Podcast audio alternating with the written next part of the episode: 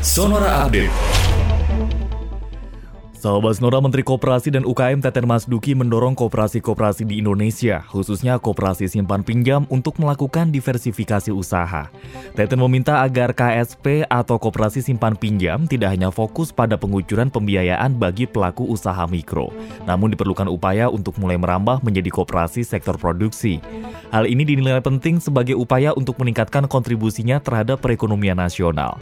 Teten juga mengatakan koperasi yang mampu bergerak di sektor produksi bisa menjadi bantalan bagi perekonomian.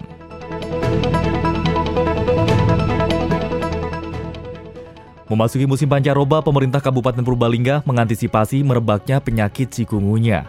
Kepala Dinas Kesehatan Kabupaten Purbalingga, Hanung Wikantono, mengatakan sudah ditemukan 595 kasus cikungunya di wilayah tersebut dari Januari hingga Mei 2021.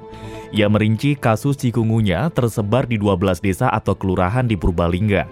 Temuan terbanyak ada di desa Bodas Karangjati, Kecamatan Rembang, yaitu 114 kasus.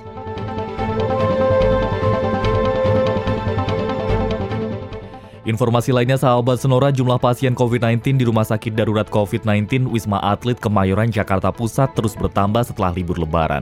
Kenaikan jumlah pasien mencapai 100% dalam waktu kurang dari dua pekan. Humas Rumah Sakit Wisma Atlet Kolonel Marinir Aris Mudian mengatakan jumlah pasien terus bertambah setiap harinya akibat pasien masuk lebih banyak ketimbang pasien keluar. Berdasarkan data pada Selasa pekan lalu, hanya ada 900 pasien COVID-19 yang yang dirawat di Rumah Sakit Wisma Atlet. Sementara data terbaru pada pagi ini, jumlah pasien sudah mencapai 1925, sekali lagi 1925. Dengan jumlah ini artinya pasien di Rumah Sakit Wisma Atlet Kemayoran sudah naik lebih dari dua kali lipat dibandingkan data per Selasa pekan lalu.